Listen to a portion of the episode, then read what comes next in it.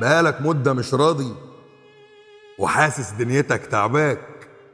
بقيت فاكر بإن الله ما بيحبكش ولا وياك.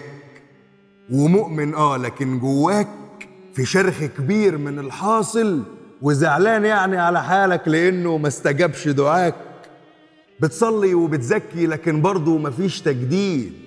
وبتقول الهموم هتقل. وبتلاقي الهموم بتزيد بتعمل خير ما يتردش برغم إنه وعد يترد. فتيأس من الدعاء لربك وواحدة بواحدة تبقى بعيد. تقول إزاي أنا مهموم برغم إني مطيع لله؟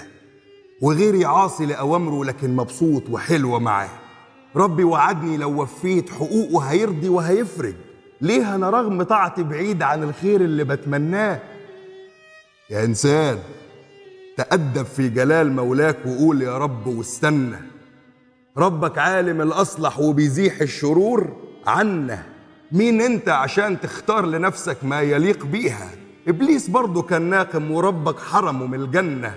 فلا تألف نعم ربك وتنسى الشكر على حالك.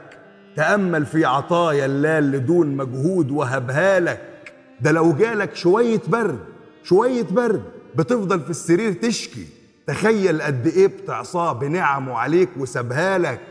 اصبر واحتسب صبرك واحمد قد ما تعاني. وقول بينك وبين نفسك خلقني ومش هينساني. قول يا رب أنا راضي وشاكر فضلك الموصول رجائي فيك لا يبلى إلى أن تبلى أحزاني. خلي يقينك الدايم في عدل الله وتدبيره. ساعات الاختبار بيكون تقيل على قد تيسيره. كمل وانت متأكد بإن الكرب فرجه قريب ده رب الناس سند للناس ولا للناس سند غيره.